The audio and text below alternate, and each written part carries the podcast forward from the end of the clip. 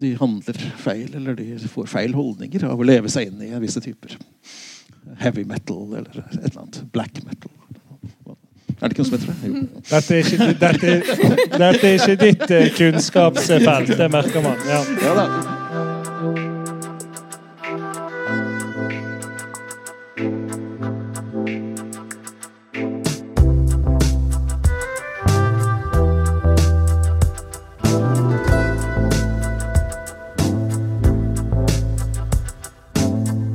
Leser Amtmannens døtre eller Stormfulle høyder og tenker at dette var gammelt og kjedelig og tamme saker, så er man dårligere stilt. Men jeg, jeg likte det alvoret som kom inn der, da.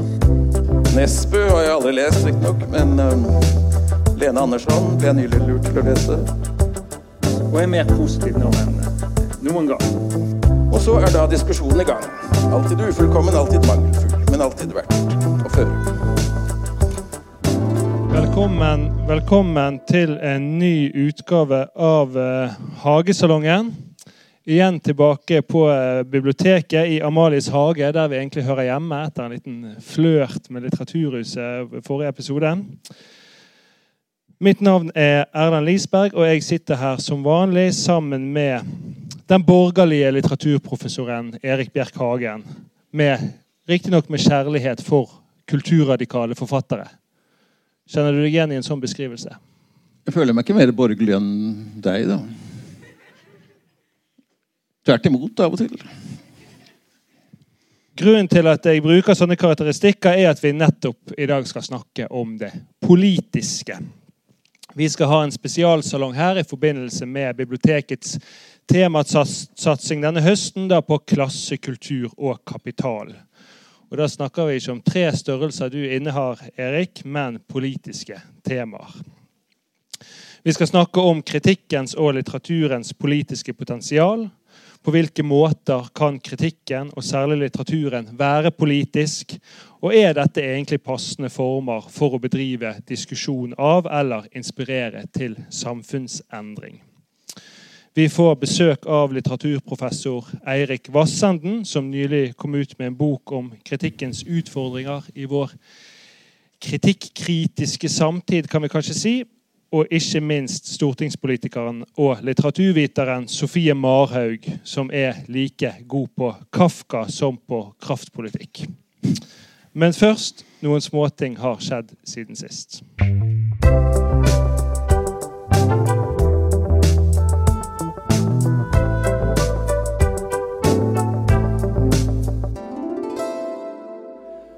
Nobelpriset i litteratur år 2023 tildeles den norske författaren Jon Fosse för hans nyskapande dramatik och prosa som ger röst åt det otsägbara.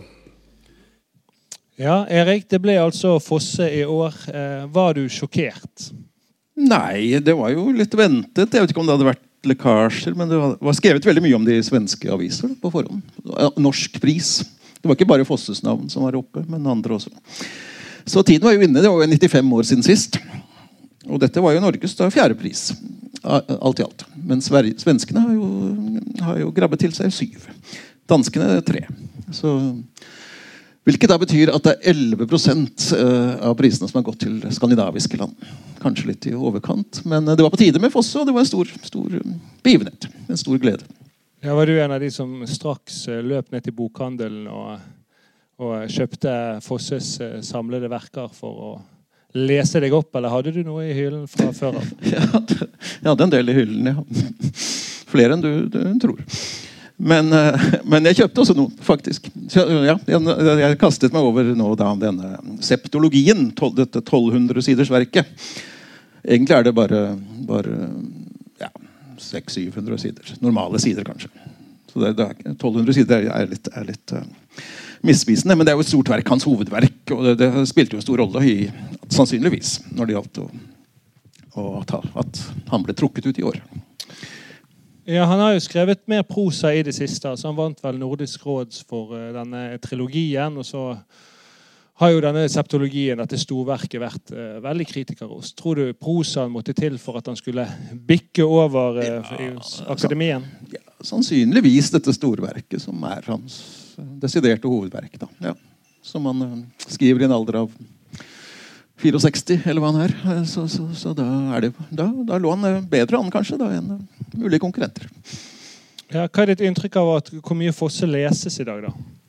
Av eh, hvermannsen og av akademikere? Ja, ja, han, han har vel ry for å være litt eh, vanskeligere enn han er. Og, som en ja, slags avantgardist. Så, så det er vel ikke alle som, som så å si, tør helt å lese ham. Mm. Med disse lange setningene osv. Som jo er veldig lettlest. Han er, han er jo virkelig lett å lese. Han er ikke vanskeligere å lese enn hvem som helst av, av norske forfattere. Men i akademia har ikke han vært så veldig populær. Nei, det er ingen doktorgradavhandlinger, da. Det er jo litt underlig, egentlig. Ja. Ut, ut fra hans status. Så det er mulig. Han er på, på et vis mer beundret enn enn, eh, faktisk eh, likt. Mer liksom respektert enn en, eh, egentlig liksom omfavnet. Det er mulig, det. Vært, vært kanskje litt avstand. Ja, for det er flere doktoravhandlinger på Solstad og Knausgård enn det er på Foss? altså. Ja, ikke sant? Og særlig så, ikke minst eh, Solstad. Da. Hmm. Så eh, Vel, man, man, eh, man kanskje beundret mer enn man har forstått ham. da. Det, er, jo det, er, jo, det er jo hans skrivemåte. Det er jo en sånn lyrisk prosa. Det er en slags prosamusikk. Språkmusikk. Mer enn mer enn andre forfattere det er naturlig å sammenligne ham med. Det er, det, er, det er noe helt for seg selv, på et vis. Så, så det er ikke så lett å få tak på. Det er mulig det har vært skremmende også for, for potensielle doktorander. Ja, Apropos Solstad, så fikk jo eh, kultursjefen er det vel den heter, i Ekspressen, Viktor Malm, ganske mye oppmerksomhet i norske aviser. For at han hevdet det var feil nordmann som fikk prisen. Det var- Og dette betyr at Dag Solstad dessverre aldri vil få den. Han som er den mest originale norske skandinaviske forfatteren. det var Ifølge Viktor Malm. Det var bare sånn VG-replikk. Lite å bry seg om. Altså, altså, jeg tror egentlig Man skal sammenligne de to, da, som, som, som, som, eh, som jo var eh, diskutert. Så er nok Fosse kanskje den mest eh, originale. Det vil jeg si. Den underligste. Og det spiller jo en viss rolle. Den mest særegne. Og Solstad har kanskje dabbet litt, blitt litt mattere kanskje å lese hans eldre bøker. Men, men, men eh, i og med at da Fosse, Fosse slå, har slått til med et desidert hovedverk nå helt nylig, så, så, så var ikke det så overraskende. Pluss hans internasjonale status er jo mye høyere. I, i en- dramatikken, da, ikke minst. Ikke? Og, det, og dette, denne septologien, den siste boken, har jo fått eh, eh, stor oppmerksomhet. Det er allerede oversatt til engelsk. Sant? Og oversatt, og, og vakkert anmeldt i New York Times og The Guardian og sånne aviser. Så Strålende anmeldelser, egentlig. Altså, også når det, gjaldt, eh, inn, når det gjelder innhold. Mm. Men er nå håpet ute for andre nordmenn? Eh, andre nordmenn som kunne få prisen, har jeg skrevet i mine notater. Så står det flere har nevnt Erlend O. Nødtvedt. Og det sier jo litt om hvem som har printet mine notater, som er arrangementsansvarlig her på biblioteket. Men er det noen flere, tror du? Ja, Svenskene er jo glad i franskmenn, så der kan det gå bare et par år mellom hver franskmann. Så, så, så, så hvorfor ikke? Det- Dette er jo veldig gledelig også fordi det er på, et vis er jo en pris til norsk litteratur som har holdt et veldig høyt Alle er jo enige om det egentlig i Skandinavia og Norden, og, og ellers også. Det har jo vært en, en, en enorm, eh, enorm eh, enormt gjennombrudd i den engelskspråklige verden. Og det er altså, altså at norsk litteratur har vært holdt et veldig høyt nivå de siste 20-30 årene. Opplagt, Opplagt. Fra med disse tidlige Fløgstad og Solstad, da, de som er født tidlig på 40-tallet. Eh, Som kanskje til sånn de gudfedrene. Eh, Noen, ja, det er flere også. Eh, Men, men i kjølvannet dem så har det liksom blomstret enormt. Og det skyldes mange ting. Norsk litteratur, politikk og, og innkjøpsordning og alt sånt. selvfølgelig. Også. Som jo er langt som svenskene ikke har. Solstad, sier jeg. Fosse skal vi snakke mer om på neste salong. Eh, 21. Da får vi besøk igjen av Jan Landro, som kom ut med bok om Fosses romaner og fortellinger i fjor. Og Vagant-redaktør Audun Lindholm kommer også innom for å diskutere Fosse og snakke litt om den litterære kulturen. Og, eh, så Fosse kom ut fra. da, og I forlengelsen skal vi også snakke litt om Men det som skulle sagt var at Han er egentlig mye morsommere enn hans ry tilsier. er en, det er de komiske passasjene jeg vil si, som er de aller beste i denne septologien, som er full av kunstrefleksjoner og religiøse refleksjoner osv. Men, men det er de, de hverdagslige komiske passasjene som, er, som jeg har, har moret meg, eller gledet meg mest, faktisk. Ja, Men det må du spare til neste gang, for vi skal videre.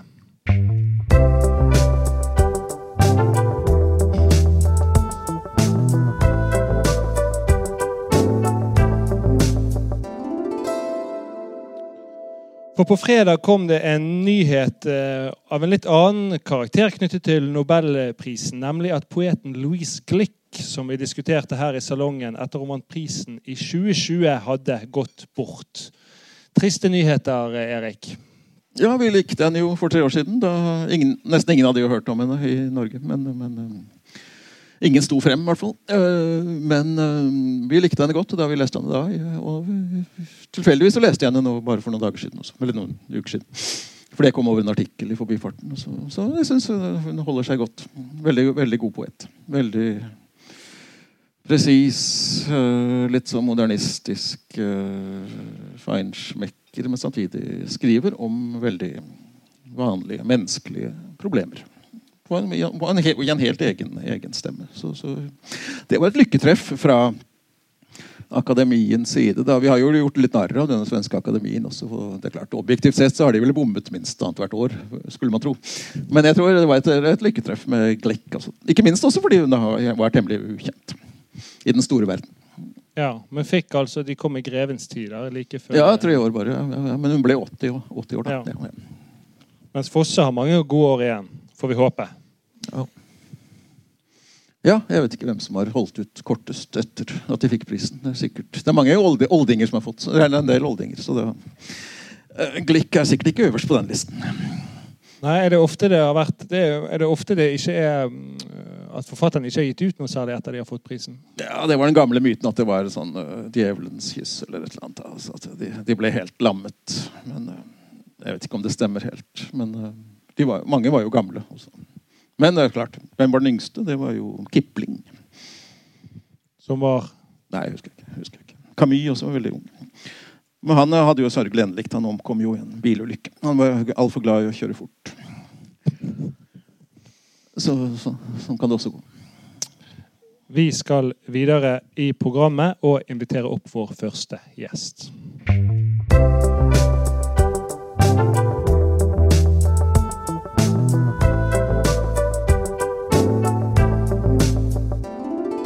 Vår første gjest er altså eh, professor i nordisk litteratur og mangeårig kritiker og ikke minst kritikkforsker.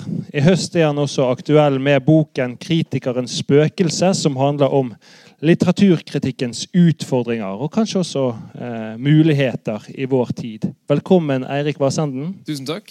Tusen takk. Du har jo skrevet en bok nå som inneholder mye. Bl.a.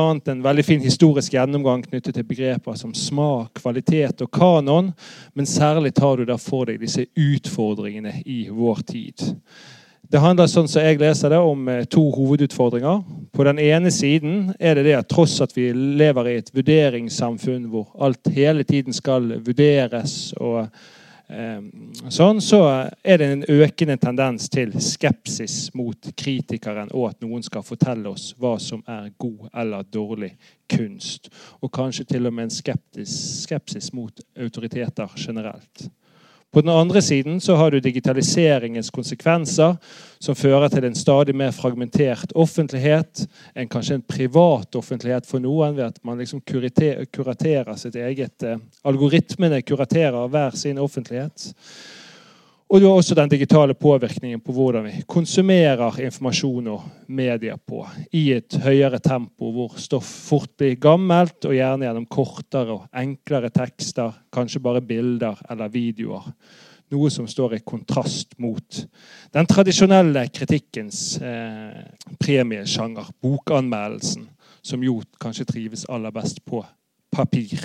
Og derfor står laglig til for hogg nå. Var det en eh, grei oppsummering? I hvert fall av noe av det som eh, jeg holder på med her. da. Nei, altså det spør, ja, ja, det var det, for så vidt. Men spørsmålet, som jeg, spørsmålet som jeg stiller eh, Eller jo, det overordnede spørsmålet, det er jo da hva vi egentlig trenger kritikerne til i dag. Altså Hva trenger vi litteraturkritikere til eh, i verden, i, i offentligheten, i eh, aviser og, og tidsskrifter? Um, og der er det jo mange som kan svare. Um, de som altså det, er en, er kjensgjerning at uh, altså sammen med at kulturstoffet i avisene har uh, bare svunnet hen, så har kritikken også forsvunnet. Altså på, Siden 2008 så er mengden av an- bokanmeldelser i norske aviser ca. halvert. Altså det, er en- det, det er en grei kjensgjerning. Og det stemmer godt overens med forholdene utover i, i eh, verden, særlig den engelskspråklige verden, der det virker som om de store avisene mer eller mindre bare har dyttet kritikken ut av papiret og ut på nettet. Og, og mange har også rett og slett bare kvittet seg med kritikerne sine og, og tenker at kritikken den seiler sin egen sjø, og, og kanskje den til og med liksom, har det bra i mer fleksible digitale formater. Det er en sånn eh, en kjensgjerning. da. Um, så man kan si at, at, at kritikken ikke, ikke egentlig er en, en dominerende sjanger lenger. På 1700-tallet så var kritikken så å si den første og den viktigste eh, journalistiske sjangeren. Nå er den, nå er den perifer. Altså sånn, eh, det illustrerende eksempel er vel kanskje den diskusjonen som har gått omkring Dagbladets syn på kulturstoffet. Kulturavisen Dagbladet, som, eh, som nå plutselig har fått for seg at de aldri har vært noen kulturavis, og at de egentlig har vært kjempetabloide hele tiden, og at det ikke finnes noen historisk arv der de skal forvalte. og sånne ting tre filmanmeldere som skrev en, en interessant kronikk. Eh, eller et åpent brev egentlig til Dagbladet, der de lurte på om de fortsatt var anmeldere i Dagbladet. De hadde ikke hørt noe siden juli. Dagbladet hadde ikke trykket noen filmanmeldelser siden juli. Er vi fortsatt kritikere? Har dere fortsatt kritikk på trykk? Og så fikk, fikk de et svar tilbake. Ja, nei, kanskje, vi, men, men, men ikke egentlig. Eh, så, så, så det er liksom den allmenne eh, Hva skal vi si elendighetsbeskrivelsen. da, eh, Bekymringen. altså at Svaret på spørsmålet hva trenger vi kritikerne til, er kanskje eh, kanskje ikke. Kanskje trenger vi ikke kritikere. Vi trenger han i alle fall ikke til å tjene penger på å selge eh, aviser. Det, det, det er et svar på det spørsmålet. Det andre er jo da hva trenger den allmenne leser kritikerne til? Altså. Trenger vi kritikerne til å navigere i eh, alt som kommer ut i, i villniset av bøker som, eh, som pumpes ut på høsten. Um, ja og nei. Eh, for det virker også nå som om Vi har jo fått en del sånne altså det vi kaller, det vi kaller anbefalingskulturen. Altså at vi har steder der lesere går oftere enn til avisene for å finne ut hva de skal lese. Goodreads eh, har nå blitt en ganske bred plattform på, på norsk. Og, og ikke minst så, så er det mange lesere som, som bare forteller at de, hva skal vi med kritikere når vi har naboen på Twitter? Eller min beste venn, eller osv. Altså en type venneanbefalingskultur som, som virker å erstatte da, eh, kritikeren som en slags sånn kjøpsråd. Så kan man si så trenger vi kritikeren eh, til å eh, svare på spørsmålet hva det egentlig som er så bra med Jon Fosse. Plutselig så, det er kanskje, Dette er nok kanskje ikke riktig uke å fortelle at det liksom ikke er litteraturstoff i avisene. eh, sant? Fordi det har vært eh, overalt eh, i, i alle norske aviser i 14 dager. Men, men det, er ikke, det ikke normalen. Det vanlige er jo at de ringer i, fra, fra disse kulturredaksjonene i panikk rundt til norske litteraturprofessorer for å høre "K- k- hvem kan si noen ting om denne obskure forfatteren som ingen har hørt om. Har du lest uh, Abdul Razak Gurna? Kan du fortelle meg hvorfor han er så bra at han skal ha nobelpris? Og så videre. altså, det er normalen. Altså, de, de trenger kritikere og akademikere til å, å, å, å kunne si noe fornuftig om noe som de selv ikke har. Uh, Men samtidig er det jo en veldig sterk litterær offentlighet. eh, tenker vi, da, som liksom er i, feltet som universitetsansatte. Du har, du har disse mm, sentrale avisene, Morgenbladet og Klassekampen. Og Aftenposten holder jo stand som en litterær avis. Og BT, Erlend anmelder BT og Stavanger Aftenblad har ganske bra ry og Dag og Tid. og sånn. Og så, sånn sett er det jo på en måte et, eh, et større Ekspertfeltet er på en måte utvidet i forhold til den gamle dager da Dagbladet var den ledende litteraturavisen, og Øystein Rottem kunne være den siste virkelig mektige anmelder som, som virkelig folk lyttet til og kjøpte boken. Hvis han sa at dette er den nye Mykle, så, så, så løp 5000 nord nordmenn til butikken og kjøpte den. Det er riktig. Det, det fins kanskje ikke lenger på den måten. Men, men samtidig så er det jo mye høyere kvalitet på denne dialogen da, med, som er mellom, mellom de sentrale litteraturavisene. Eller, eller Absolutt. Og det er det, det du kaller feltet. Det skriver jeg en del om, og det kaller jeg da i boken boblen. Mm. Hvilket, hvilket betyr at det er et rom som ikke er et veldig åpent eh, og, den har ikke Hva skal vi si, da? Altså, det, litt- det, det er et mer lukket rom enn det pleide å være. Eh, Eller i alle fall så foregår det på flater som da eh, ikke har så bred distribusjon. Som ikke har så potensielt mange eh, lesere eller lyttere. Eh, For jeg er helt enig med deg i at Kvaliteten på veldig mye av det som skrives av, av kritikk, er, er, er ganske bra. Altså, sant? Morgenbladet det, det er jo en opplagssuksess, rett og slett. Sant? Det samme gjelder for så vidt Klassekampen og deres bokmagasin. Dag og Tid. Eh, og en del av tidsskriftene som, som holder veldig høyt nivå. Da. Vagant, Vinduet, Bokvenn, Litterær avis osv. Og Solstad, Vigdis Hjort, Ørstavik De er jo personer som både er innenfor og utenfor boblen. på en måte. da. De, de Ja trenger gjennom hinnen der. Eller- Ja, det gjør det nok. Det gjør de nok. Men, men, men spørsmålet er da, den, den samtalen om litteratur som man kanskje ønsker seg, det kanskje er mest av alt en, en slags eh, drøm eller fantasi jeg har da, om at det skal finnes en samtale om, om litteraturen som, som går ut over bare eh, ja, de lukkede rommene, da, eller, eller boblene, eller hva. Det, det, det som er felles for disse publikasjonene, er jo at du må oppsøke de selv sant? for litteraturstoff. Nesten, da.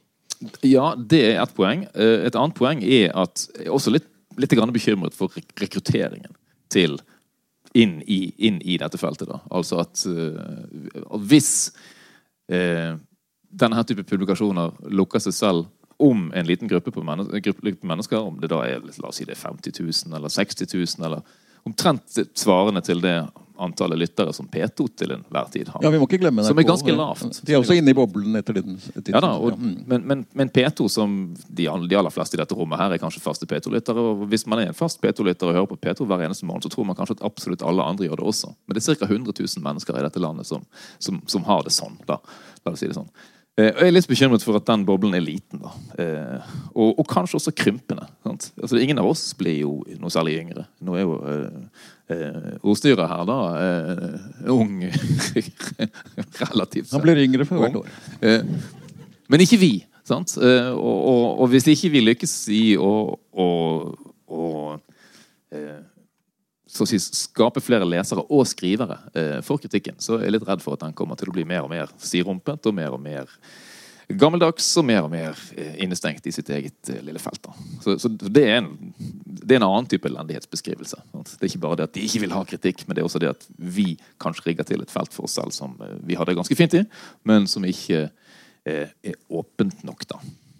Men det, har jeg lurt, det lurte jeg på når jeg leste boka. For hvordan skal vi komme få bukt med denne boblen? Det, eller liksom at eh, litteraturkritikken ikke har så gode kår utenfor denne boblen? Skal den Skal den, eh, boblen utvides til å favne bredere, eller skal den punkteres og de gode kritikerne liksom krype ut og spre seg rundt omkring, eller skal, må det oppstå noe parallelt eh, utenfor eh, eh, denne, denne sfæren, da? Jeg har to sånne forhåpninger eller fantasier eller, eller ønsker eller, eller hva skal jeg si. Den. Og den første tror jeg kanskje er den vanskeligste. For det handler om at vi som mener at vi, eller som har en slags idé om at vi, vi Eller en forhåpning om at vi vet hva god kritikk er, hvordan den skal være. At vi også forsøker å finne ut hvordan vi kan nå andre lesere enn de som ligner på oss selv. Rett og slett. da.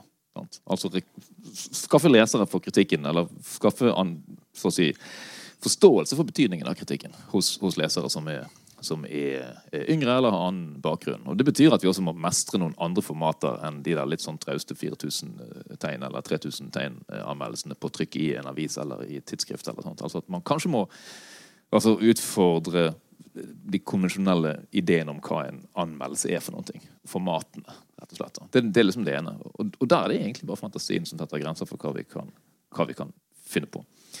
Den andre eh, er på en måte enklere, og det handler om at, om at kritikken må bli så god at den som journalistisk sjanger For den er jo en journalistisk sjanger. Det er ikke en, det er ikke en magisk eh, det er, ikke, det er ikke en magisk eh, egen eh, litterær form. Selv om det er en type kunst, så er det også en journalistisk sjanger. Men den må bli så god at den blir uunnværlig. Altså, den må bli så god at leserne har lyst til å lese den. Altså. Jo, men, men det er vel også en slags sånn dialektikk her, da, for å bruke det ord, gamle ordet. eh, at eh, det er ekspertvelde, og så, så, så er det mulighet for å oppløse og utfordre og vise fingeren til dette ekspertveldet. Og så, etter at det har vært anarki og alle 'Dette liker jeg, og jeg behøver ikke å gi noen grunn', så, så vil det oppstå kanskje et behov da for, for mer, ekspertmessige anmeldelser igjen. Det kan jo være også. Og, og, og de finnes jo tross alt, og det oppstår jo stadig nye fora. Oh, ja, absolutt. Og, og det kan godt være, altså, kan godt være ekspertanmeldelser. Men, men, men akkurat når det gjelder den der altså, Hvor god kan kritikken bli? Så, så er det jo i, prinsippet ingen, ingen grenser.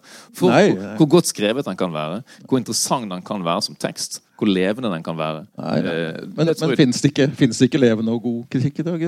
Det bør, alt, alle bør skrive enda litt bedre.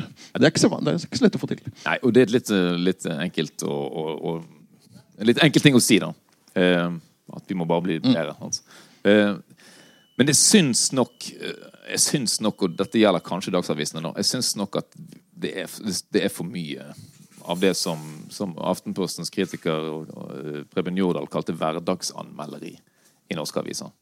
Altså, der mener jeg det ligger et, et, problem. Det er ikke rart at folk syns det er kjedelig å lese eh, kritikk hvis, hvis kritikken holder et sånt helt sånn jevnt, kjedelig, eh, daft eh, nivå. Altså. Men det må du alltid, alltid ha gjort i Ja. norsk. Ja, det, ja, ja. Og og det er en litt sånn trist gjenskjerning. da. Det var ikke fantastisk bra før. Selv om vi alltid klager over at det ikke er så bra nå, og at det fantes en gullalder, og sånne ting, så har det alltid også vært klaging over at akkurat nå så er det ganske eh, magert. da. Det er ikke så lett å finne gullalder når man leter etter den. Men det er greit å bare tenke, tenke på den. En gullalder er jo per definisjon en fantasiforestilling om noe som en gang var. sant?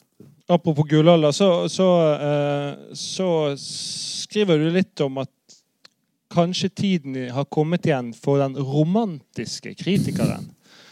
Og det er jo litt beslektet med det du sa om eh, lek. Eh, det, det må du forklare litt nærmere, Ja. Erik.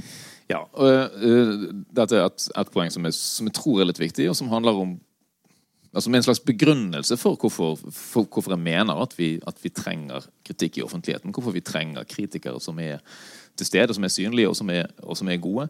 Eh, For jeg tror at det finnes noe kritikere kan lære bort. Altså dette høres litt, litt fjongt ut, men jeg sier det fordi at jeg er jo lærer på universitetet, og da ligger det på en måte i mandatet mitt. Men jeg, tror det er et eller annet kritikken kan gjøre, som den kan vise frem, og som den kan lære bort. eh, Og som det for øyeblikket ikke finnes så veldig mye av i, i, i pressen. Eh, Og det er det som hvis vi, hvis vi liksom spoler tilbake til 1700-tallet, som dominerte kritikken i dens første fase. Altså Akkurat dette med den romantiske kritikeren handler jo litt om, litt om å så å si gi plass til disse ekspressive, voldsomme, larger than life-karakterene. Vi har noen eksempler på, på kritikker fra, fra kritikere fra romantikken som, som tar så mye plass og, og, og, og gjør så mye ut av seg da, at, eh, at de i seg selv blir interessante altså som, som karakterer. Eh, men det er også et aspekt ved det der som jeg, som jeg syns er litt viktig også, å, å ikke glemme. Eh, og det er det som handler om altså, hva kritikeren kan tillate seg, kanskje til og med bør tillate seg å gjøre. Nemlig å ja, leke, spille, spille en type skuespill, eller opptre, eller ja, gjøre mer ut av da, performativitet og maskespillet, som var en sånn helt sånn vesentlig del av tidsskriftskulturen. på Hva, hva mener du? Skal han ikke være seg selv? Skal han ikke være ærlig? Jo. Skal han ikke si hva han, han må si hva han mener? Jo, Eller hun, jo. da. Hun Absolutt. si absolutt. For, og kritiker, første bud for en kritiker er at man må si det man mener. Ja. Altså Man må ikke lyge. Man kan ikke jukse til. ærlig, ærlig, ja. Men det er absolutt ingen motsetning mellom eh, det vi kunne kalle maskespill, eller skuespillerkunsten, eh, eller hva vi skal kalle det, og, og det å si det man mener.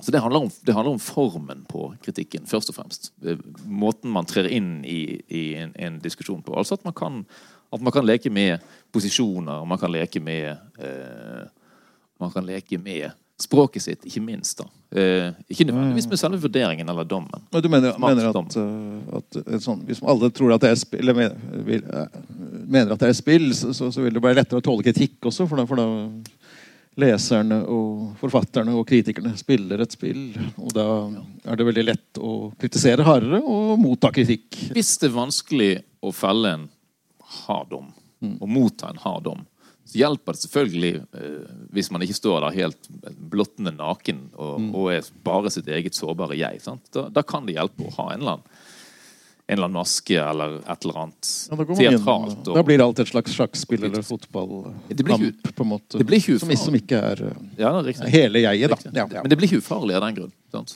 Altså, men, men det blir, en, det blir altså tross alt da en mer si, nøytral grunn å spille på. Rett og slett. Sant? Jeg vet ikke om jeg syns den fotballmetaforen var så veldig god. Hvorfor ikke? Var sjakk bedre? Spill er spill.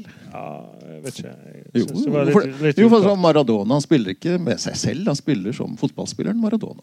Det er det han mener, slik jeg forstår det. da. Fotballen er jo også teatral, ja. Det er klart. Eh, Det er klart. Eh, Men, men, men altså, gamle professor Årnes eh, på fransk i Oslo sa jo alltid at Eller sa en gang at, at han skjønte ikke hvorfor norske, norske debatter om litteratur, blant annet alltid ble, Og all kritikk, eh, litteraturkritikk ble tatt tatt opp personlig av den som ble kritisert og angrepet. Skjønte han ikke. Det var særnorsk. Men samtidig så kjente han ingen kritiker som ikke mente ethvert angrep sterkt personlig. Nei, nei. Ja? Nei, men det, og det er heller ingen motsetning der. Eh, Det som er nytt da, i, for, i forhold til Asbjørn Aanes sin tid, det er jo det at vi lever i en tid der, der de aller fleste av oss uh, driver og eksponerer oss uh, uh, i offentlighet, eller i pseudo-offentligheter.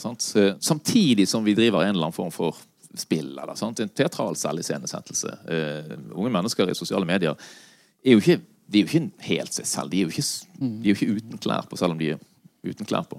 eh, ofte. Men, men, men, det, men, men et, av, et av poengene, eller et av problemene her, er jo at den type selviscenesettelse vi ser hos, hos særlig yngre da, i, i, i de nye offentlighetene, er jo at den virker å være ofte ganske ukontrollert. Altså, så utrolig brå skift mellom eh, en tilbaketrukken, kontrollert eh, en 'dette er min eh, persona' og det, dypeste, innerste, mest sårbare. Eh, altså hvis, vi- hvis, hvis litteraturkritikken skal redde de unge menneskene fra seg selv Det, det er kanskje ikke en helt realistisk eh, forestilling, da. Eh, men hvis den skal kunne gjøre noe, så er det jo nettopp ved å kunne vise frem da, evnen til å mestre teatraliteten. Mm, Evnen til å, å, å kunne håndtere dette, denne skuespillerkunsten da, på en kreativ og, og, og eh, god måte. Ja, ja. Men er ikke det fåfengt i liksom, vår kultur, som er så opptatt av at ting skal være autentisk, og at man skal være seg sjøl 110% som det heter på Paradise Hotel? Ja, men da er og- man, da er man plutselig ikke og seg selv lenger. generasjon alvor, liksom, eh, sammen. Ja, jo, men, samt, men, men det er det jeg prøver å si, da, altså at denne samme generasjonen driver jo, et, et, eh, driver jo også et, et, et manisk spill med sine egne personligheter, sine egne personer og sine egne eh, sosiale medier-karakterer, så å si. Sant? Som jeg har en fornemmelse av at de ikke helt kontrollerer. rett og slett. Men det er deres mål. Men universitetet, som jo er saklighetens arena fremfor noe, rasjonalitetens og saklighetens arena Det er all, ingen som blir så rasende på hverandre som eh, universitetsansatte når, når de får kritikk. Og det, det er et genuint problem. At ikke vi klarer å snakke sammen eh, på tross av eh, uenigheter. Mm. Jeg skjønner hva du mener, tror jeg, da, når det gjelder det å tåle å altså, inn på en måte i en arena som, som, som du vet er en arena. Men, men eh, det er ikke så lett å forandre menneskenaturen. Folk blir rasende. Lett. Selv når de ikke de burde bli det.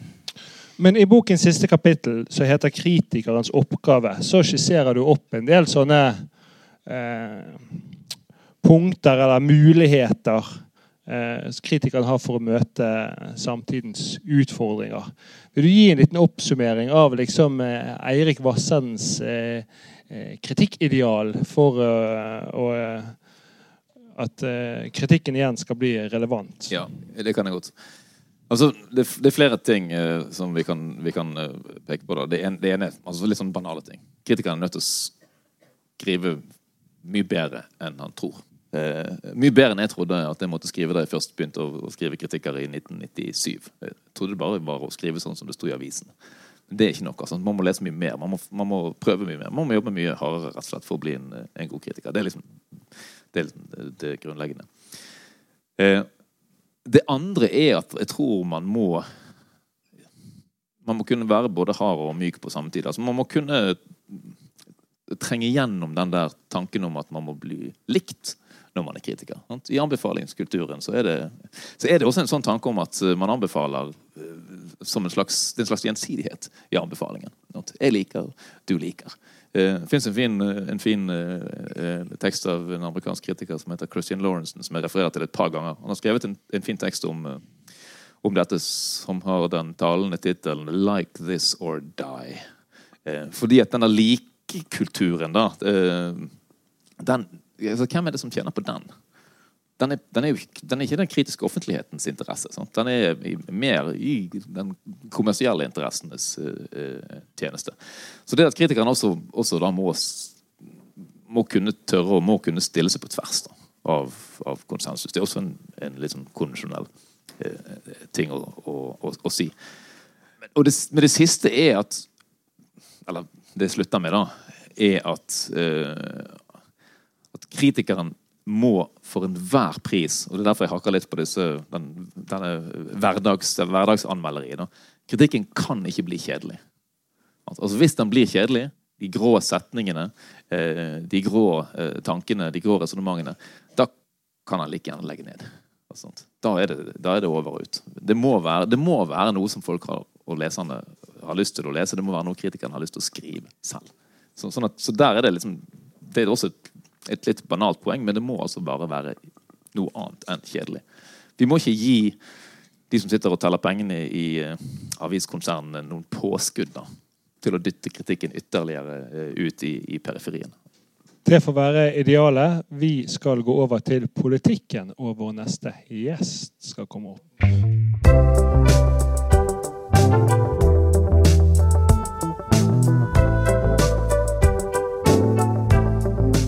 For når vi skal spørres, stille spørsmålet om kritikken kan være politisk, så passer det godt å få opp vår neste gjest, som altså sitter på Stortinget for partiet Rødt, men egentlig holder på med doktorgrad om Frans Kafka på Universitetet i Bergen. Velkommen, Sofie Marhaug. Takk. Eh, Stortinget må jo også være et sted for eh, teater, og at man spiller litt sånn med masker. Er det noe, noe du kjenner deg igjen i dette her eh, Eirik har snakket om? Uh, ja, det er jo eh, Vi har jo sånn galleri, så det er jo mye spill for galleriet i stortingssalen. Og vi har jo òg en måte å snakke på som nettopp Altså det er institusjonalisert at vi skal snakke på en måte som eh, ikke skal være så personlig. Jeg har f.eks. ikke lov til å eh, si du til eh, statsråden i eh, stortingssalen. Jeg må si, og jeg må henvende meg- til presidenten. Eh, det er regler for hvordan jeg kan kle meg. Fordi at det ikke skal ta bort oppmerksomheten fra innholdet i det jeg sier, antar jeg. Og for å ha noen sånn felles spilleregler som ja, selvfølgelig òg er en form, da. Så det kan jeg kjenne meg litt igjen i. Men er det sånn at eh, de andre stortingsrepresentantene, du møter de etter å ha sett de liksom på eh, TV og opptre gjennom mange år, så er de helt andre personer enn sånn de fremstår i offentligheten? Eller er de Ja og nei. Noen er sånn eh, er helt sånn Eller opplever jeg ligner ganske mye on og off stage. Mens andre er ganske forskjellige. Så jeg har fått med noen overraskelser på Stortinget òg. så, så det er noen som mestrer dette spillet, altså? Da er det jo så mye venner på kryss og tvers av eh, partiene. Ja. ja, eller eh, folk er hyggelige med hverandre. Men om, ja. Og det er noen som er gode venner òg, men eh, ja. det Er kanskje litt overdrevet. Kristin. Halvorsen og Eli Hagen var jo bestevenninner. Sies det. Alt du vet, Erik. Men eh, det var ikke det vi skulle snakke om egentlig nå. Da. Det er jo om, eh, alle vet jo at litteraturen kan være politisk, eh, som vi skal komme inn på senere. Men kritikken er ikke noe vi tenker på som politisk. Men kan den være det? Ja, det kan vel. Altså, Det er jo bare Det innebærer bare at politiker, nei, kritikeren toner politisk flagg. da. I gamle dager så var Dagbladet var liberalt, radikalt organ. Aftenposten var konservativt. Det var jo veldig tydelig forskjell på anmeldelsene i de to avisene. Altså før 1980. omtrent. Og avisene var jo politiske. De var Høyre-aviser eller Venstre-aviser eller, eller Arbeiderparti-aviser. Og det, det ble gjenspeilt i kritikken. Så, men, nå, etter 1980 og det, det er jo ikke aldri vært noe ideal, da. Kanskje.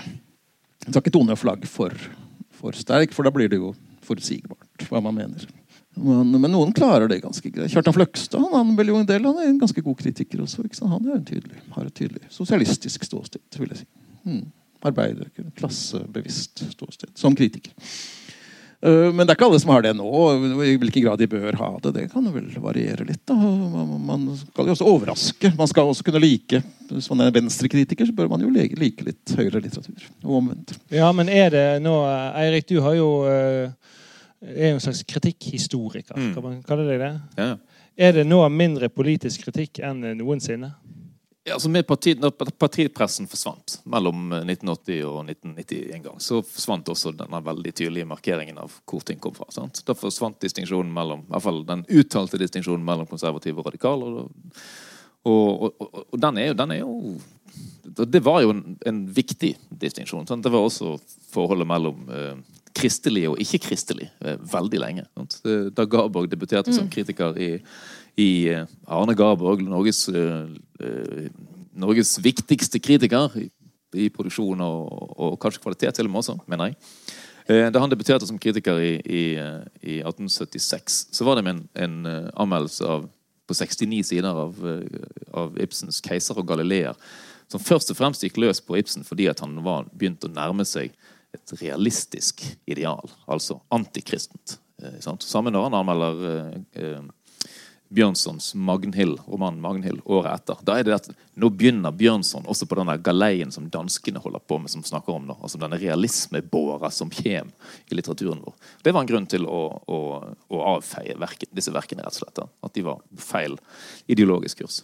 Så, men i dag øh, det er veldig sjelden vi ser en kritiker avfeie en bok fordi den er eller ikke er øh, kristen. Fordi den er eller ikke er, øh, så å si på det ene eller andre politiske sporet. Det er et par, det er et par sånne tematiske ting som man kan finne på og, og, eller som man kan si at noen blir arrestert på. Og det er jo da om vi eh, om de i det hele tatt forholder seg til klodens utslettelse eller en del sånne, sånne spørsmål som har aktuell politisk uh, kraft. da, rett og slett. Men savner vi en mer politisk kritikk? Jeg, jeg tenker faktisk at en del eh, kritikk er litt mer politisk enn den liker å innrømme. Eh, at man gjerne finner liksom For å ta et eksempel, da. eh, sånn som eh, Han er jo ikke litteraturviter, da, men Jonas Bals, som eh, anmelder i Klassekampen, og anmelder stort sett sakprosa da, og sant, politiske bøker, så det er jo veldig naturlig med en politisk kritikk, eller det å forholde seg til de politisk. Men han syns jo av og til kan òg komme med sånne formelle innvendinger der jeg kan mistenke at her er du egentlig uenig i det politiske budskapet, fordi det kanskje ikke er så på moten eller uh, ja, Uh, og, og, si rett ut at det er derfor jeg ikke liker denne boken. Jeg er uenig. um, så jeg tror det er litt av det, men det er ikke en sånn uttalt um, så ja, en, Det er ikke en verdi i seg sjøl, kanskje, eh, i kritikken å flagge standpunkt, eh, enig eller uenig med forfatteren sin politiske overbevisning, hvis den kommer fram i boken. Tradisjonelt har jo kritikken vært ansett som et borg, ganske borgerlig eh, fenomen. Og det er jo noe med det der at man bedriver denne autoriteten og liksom eh, opprettholder det kanskje et tidligere idealer, etablerte idealer for god smak, som du er opptatt av. eh. Nei, jeg er ikke opptatt av god smak, jeg er opptatt av smak. Ja, okay. Fordi smak det er jo da en måte å tenke litteratur og kvalitet på som ikke bare handler om, eh, om sånne transhistoriske ideer om hva som er godt og dårlig. Det handler jo også om eh, kropper og om sosiale spørsmål. og sånne ting. Så smak er en, eh, smak er en viktig distinksjon. Men, det men, eller en viktig, en, en viktig måte å, å, å tenke litteratur og samfunn på. Da. Men eh, Alle bør jo få bedre smak. Litterær smak. Eller alle bør få bedre smak. Ja, det, Men du sier det kanskje fordi at du tenker at det finnes eh, et, et, et slags ideal eller mønster man skal nå opp til. Hans egen. til, til en viss grad gjør det jo det. Dannelse og det å ha dannelse og kultur og ha skjønn og så. Det er jo en slags dannelsesreise også, da, for de fleste. Det er ikke sånn full krig mellom, mellom borgerskap og barbarer Nei, det er det i, ikke. i det kritiske Det er det ikke. felt. Men, men det er ikke, ikke, ikke helt enig med, med, med, alle når han sier at, at, uh, altså at kritikken primært er en sånn borgerlig uh, øvelse. Det er jo også en, ofte en øvelse i å banke gjennom nye estetikker. Nye måter å jobbe på. Sant? Avantgardens kritikere. Altså De fleste historiske avantgarder har jo kommet med sine egne kritikere. Altså De har utdannet sine egne kritikere og, og, og, og, opparbeidet seg et teoretisk vokabular. da. Eh, ikke sant? Når, eh, når kulturradikalene eh, braker igjennom på, på, av, eller på midten av 20-tallet og, og, på 30-tallet, så, er det jo også en, så kommer det jo også en, en bråte med kritikere som rett og slett mener noe annet. Da, så da, da, har vi konfrontasjoner. Ja, men Når var sist vi så noe sånt? da? En ordentlig radikal kritiker som uh, bryter med det bestående? I norsk sammenheng? Ja, i norsk sammenheng. Ja, jeg vet ikke hvem som skal være det gode eksempelet. I hvert fall, hvert fall ikke i, eh, i dette siste tiåret, tenker jeg at vi har sett noen. Uh, kanskje ikke i i tiåret før heller. Men, men, altså, hvis vi går tilbake igjen til, til slutten av 60-tallet, så er det jo helt opplagt at, at 1960. 1960-tallet, ja.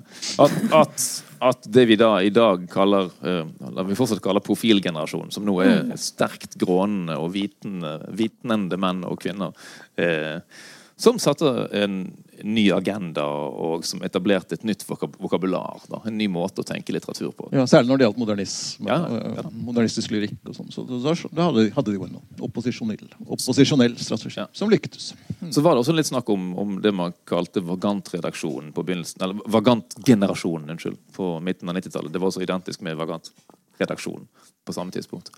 Eh, og men om det var en ny poetikk eller en ny, helt ny generasjon, den var, den var helt klart mye mindre politisk eh, enn det foregående tiår. Eh, ja, men, det var jo, men Bjørnson Ibsen-generasjonen de gjorde et opprør selvfølgelig mot den rådende konservative estetikk.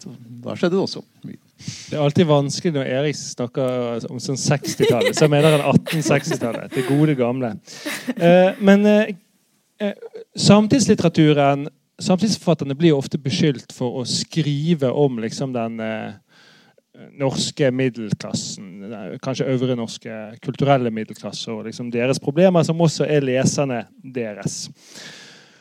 Er det et problem at også kritikerne tilhører eh, nøyaktig samme klasse som eh, regel? Altså eh, som kommer fra hjem som er ofte fra den øvre Eh, hvite, norske middelklassen. Og at, og at kritikerstanden er en ganske sånn homogen eh, gruppe. Ja, jeg vil si at Om det ikke er et problem, så gjør det jo det til et, et kjedeligere et litt kjedeligere felt. Eh, og et, et ensartet felt. Hvis, hvis, alle, hvis, alle, mener det samme, hvis alle kommer fra samme sted og alle skriver det samme, så blir det kjempekjedelig. Nå, nå er det jo ikke helt sånn, da. Eh, sånn, så det er tross alt en viss spredning både i alder og i bakgrunn og, og i interesser, ikke minst, da, for de kritikerne som er mest aktive. Men, men svaret på spørsmålet er vel et slags jo. Sant? De er ganske like. De har samme bakgrunn, de har samme utdannelse, de kommer fra litteraturvitenskapelige eh, studier eh, i en eller annen forstand. Veldig mange av dem. Men samtidig har jo den populærkulturen utvidet feltet enormt. Altså, nå, nå, kan en lyriker, eh, avantgardistisk lyriker snakke om Margit Sandemo, holde foredrag om det på Litteraturhuset osv. Uten, uten at noen trekke på smilebånd. Så, så snobberiet har jo, har jo, egentlig forfalt en del, da, faktisk. I forhold til gamle dager. Det borgerlige snobberi. Det er jo det som er problemet. Ikke den borgerlige smak i, i og for seg. Så lenge smaken, smaken ikke blir eh, snobbete og eksklusiv i en, i en feil forstand. Nei, men Er det plass til det? Altså Er det plass til det som eh, altså Det var jo sånn, eh, et, et sånt fint begrep fra han kulturhistorikeren Dwight MacDonald på, fra 60-tallet. The pure snob. Altså den som ikke engang vet at det finnes en populærkultur. Ja? Altså, De finnes, men det er ikke mange. Snobben som er så ren at hans sinn ikke engang er forurenset av kunnskap om at det finnes film og, og TV og, og, sånne ting. Fins de lenger? De fins vel ikke lenger. Det fins i hvert fall ingen norske kritikere som tilhører en sånn kategori for øyeblikket. Du har jo kritisert 17. mai-komiteen i Bergen. Det må jo være noe av det nærmeste vi kommer. ja, det er mye maskespill og sånne ting, da. Men eh, nei, altså jeg, eh, det er jo interessant det spørsmålet med bakgrunn og hvordan påvirker det. Og jeg tror jo selvfølgelig det påvirker og kan gjøre ting kjedeligere hvis folk er for like og sånn, da. Men jeg tror det er veldig vanskelig å gjøre noe med det på en god måte. Hvis du skal på en måte kvotere eller uh, ja, Man kan jo gjøre det selvfølgelig til en viss grad, men, men, det er jo et veldig lite felt. Det ble jo tegnet opp for oss som uh, ja, som, som, gjør det litt vanskelig, da. Uh, det blir, tenker på sånn uh, ja, Det blir jo sånn håndplukking som er litt uheldig. Så jeg tror jo at kanskje sånn uenighetskultur er noe som kan gjøre det lettere å få et større mangfold og eh, av bakgrunn, eh, fordi at det er lettere og ja, Hvis det er større rom for uenighet, eh, at det kan være bra altså En måte å gjøre det på uten å liksom se på sånn spesifikk bakgrunn, eh, mann eller dame, eller eh, ja hva enn det skulle være av bakgrunner, eller klassebakgrunn, da, som er jo Og så er jo det òg et faktum at idet du liksom begynner å skrive da, og skal leve av det, så blir jo du middelklasse, på en måte. Eller du blir ja, du, du, du, får en større frihet enn hvis du hadde jobbet en del andre steder. Eh, og eh, uten, å, uten, at det nødvendigvis betyr så god lønn, da. Så du er i en slags sånn middelposisjon. Ja, noen har jo forsøkt seg å gjøre noe med dette. Det kan vi jo snakke mer om.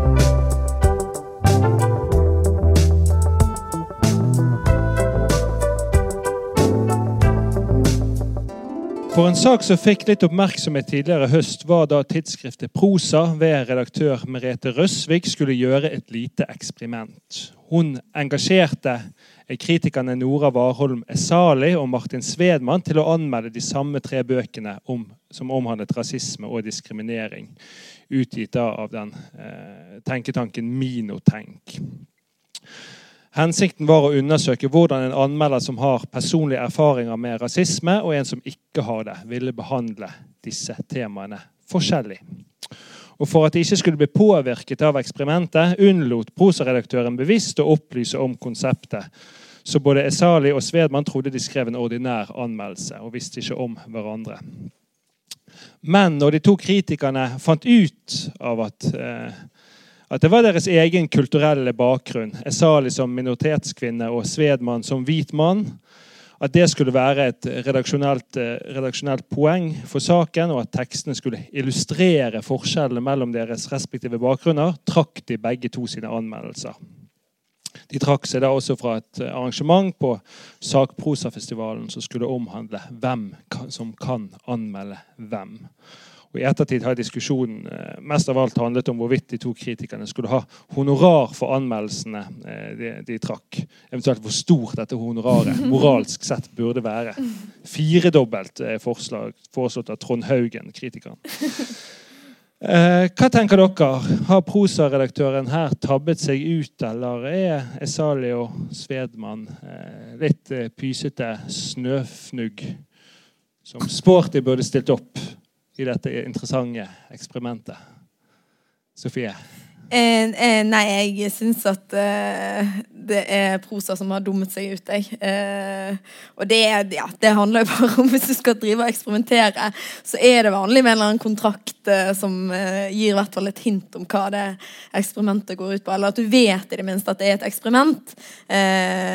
så jeg syns at prosa burde holdt seg for god for det. Og så tror jeg at ja, da får du den eh, følelsen av at du er kvotert inn, da. Eller eh, redusert til din bakgrunn, som er jo ikke det som nødvendigvis er poenget med kritikken. Hvis, altså Nå har vi jo snakket om eh, å felle en smaksdom, eller Ja, og jeg tror bakgrunn kan spille inn, eh, inn i det, men noe av, noe av poenget, ikke det eneste poenget, men noe av poenget med kritikk må jo òg være å løfte det til det mer allmenne og eh, ha en, en felles diskusjon om det, og da da er det rart å bli redusert til en sånn uh, bakgrunnssjekk, da. Eirik, du tenkte deg å være, bli kastet i rollen som uh, Gammel gubbe? Uh, hvit mann? Ja, altså, I utgangspunktet syns jeg jo ideen er, er helt OK. Eh, altså la to kritikere eh, anmelde samme bok, og så se hva de får ut av det. Eh, det er jo sånn som vi har gjort selv som tidsskriftredaktør. og tenkt at det kan være interessant, fordi folk, Nettopp fordi folk kommer fra forskjellige steder. Folk har forskjellig bakgrunn, folk leser ulikt. Og, og, og særlig når det gjelder debattbøker, sant, så kan det komme, komme ganske ulike responser på det. Men da er det helt opplagt eh, greit å vite at man er eh, rett og slett, At det er det man gjør. Eh, og, og, her er, blir det jo nærmest som et slags forskningsprosjekt da, der eh, prosaredaktøren skal finne ut hva bakgrunnen har å si. Og særlig, særlig vanskelig er det selvfølgelig fordi det handler om, det handler om eh, kulturell bakgrunn og, og, og eh, om etnisitet og sånne ting. Sant? Altså Det er liksom kategoriene som skal, som skal undersøkes. Uh, alle vet at det er, er vanskelig og, touchy. Og og det liksom Det blir, det blir jo et slags identitetsspørsmål her. sant? Eh, Som, som er, det er ikke egentlig boken som anmeldes, som havner havner i, eh, i, i sentrum. Det er kritikernes respons, og i prinsippet kritikernes liksom innerste. Sant? Som er helt opplagt en reduktiv måte å, å håndtere folk på. Da, sant? Eh, Samtidig så er jo spørsmålet helt legitimt. Hvem, altså Kan alle anmelde alt, eller hvem kan anmelde hva? Det, er- et spørsmål som har vært diskutert eh, i, i, mange sammenhenger og, mange forskjellige steder. Og, eh, ja, men, men, men, det som var utfordringen og problemet her, var jo selve iscenesettelsen. da, sant? Lage et show av det på trykk, og så lage et show av det seinere liksom, eh, på scenen i, litt på Litteraturhuset i Oslo. Og da ville man jo bli en slags Uansett om man var eh, hvit eller brun eller eh, hva man var, ville bli en slags raritet. da, sant? Se hva denne fyren har klart å hoste opp eh, fordi han er det han er. Nei, Det syns jeg var eh, en dårlig, en dårlig gjennomføring av en idé som er helt, eh, helt grei. Hun, Nora eh, Warholm hun har jo heller ikke Hun har aldri anmeldt for prosa før. Så hun ble jo veldig beæret og glad for det. Og når du da oppdager at det er en del av et eksperiment, da er jo det ekstra, ekstra rart, da. Det siste er jo et poeng. Men ellers så var poenget var jo at det, det skulle være et ordentlig eksperiment. altså Så kunne man se resultatet, og så kunne man heller debattere i ettertid. Det var det som var tanken, og det, det er jo ikke en umulig. Kunne man heller kranglet og, og vært sår i ettertid, og så kunne man fått støttespillere på banen osv. Men det var litt ufint at det er hvis det er en kritikerdebutant. da. Det det. Men ellers så burde de tålt. tålt, tålt ja.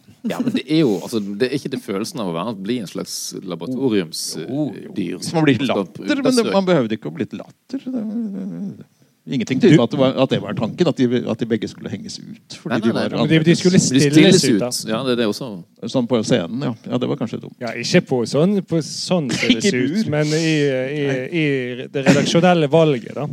Så skulle det jo handle om deres kulturelle bakgrunn. jo, jo, men hvorfor ikke i spaltene? er jo det greit. Ja, men det er greit Ja, å men vite det, det det er forhånd. grå, en etisk gråsone. er det jo. Så virker jo det òg som at eh, hun eh, Merete Røsvik har sagt at det skulle ikke de gjort, så ja.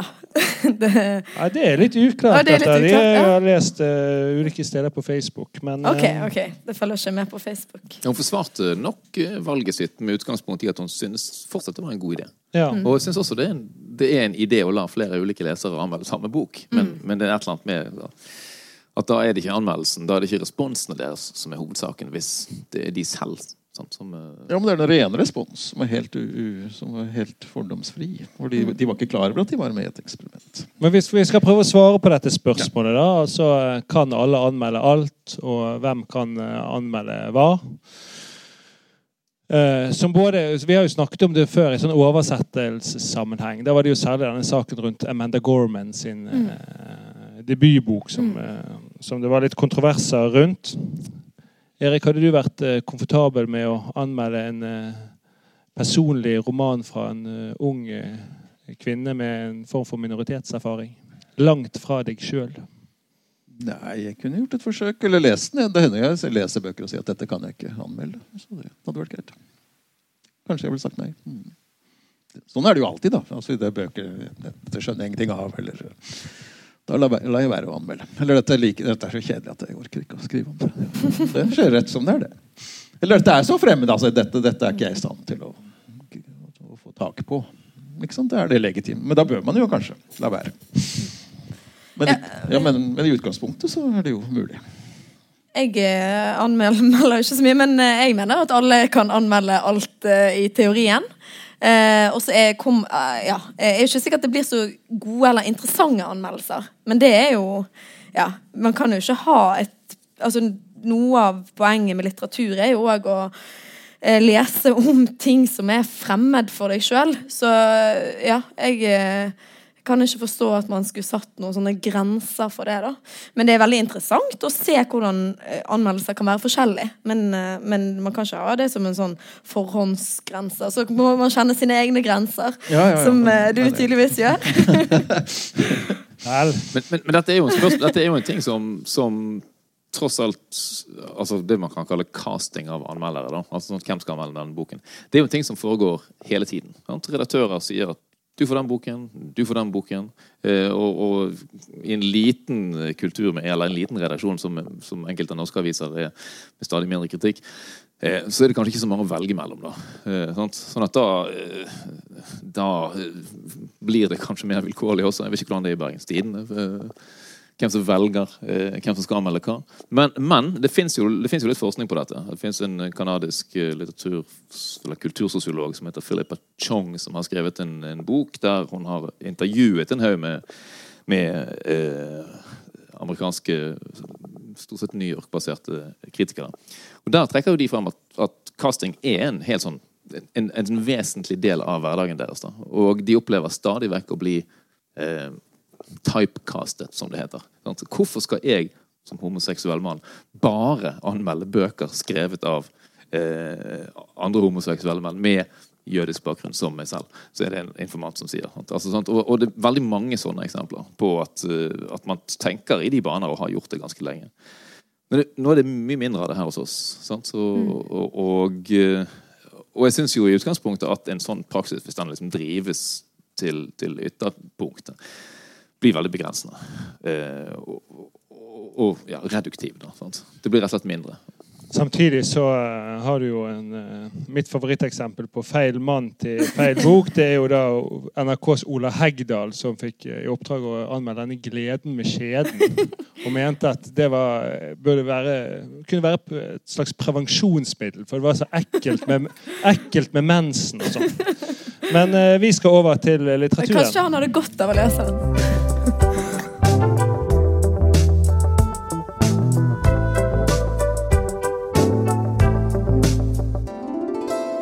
Nok om sekundærsjangeren. Vi må over til det primære. Selve litteraturen. Og på hvilke måter den kan være politisk, og spørsmålet om den bør være det.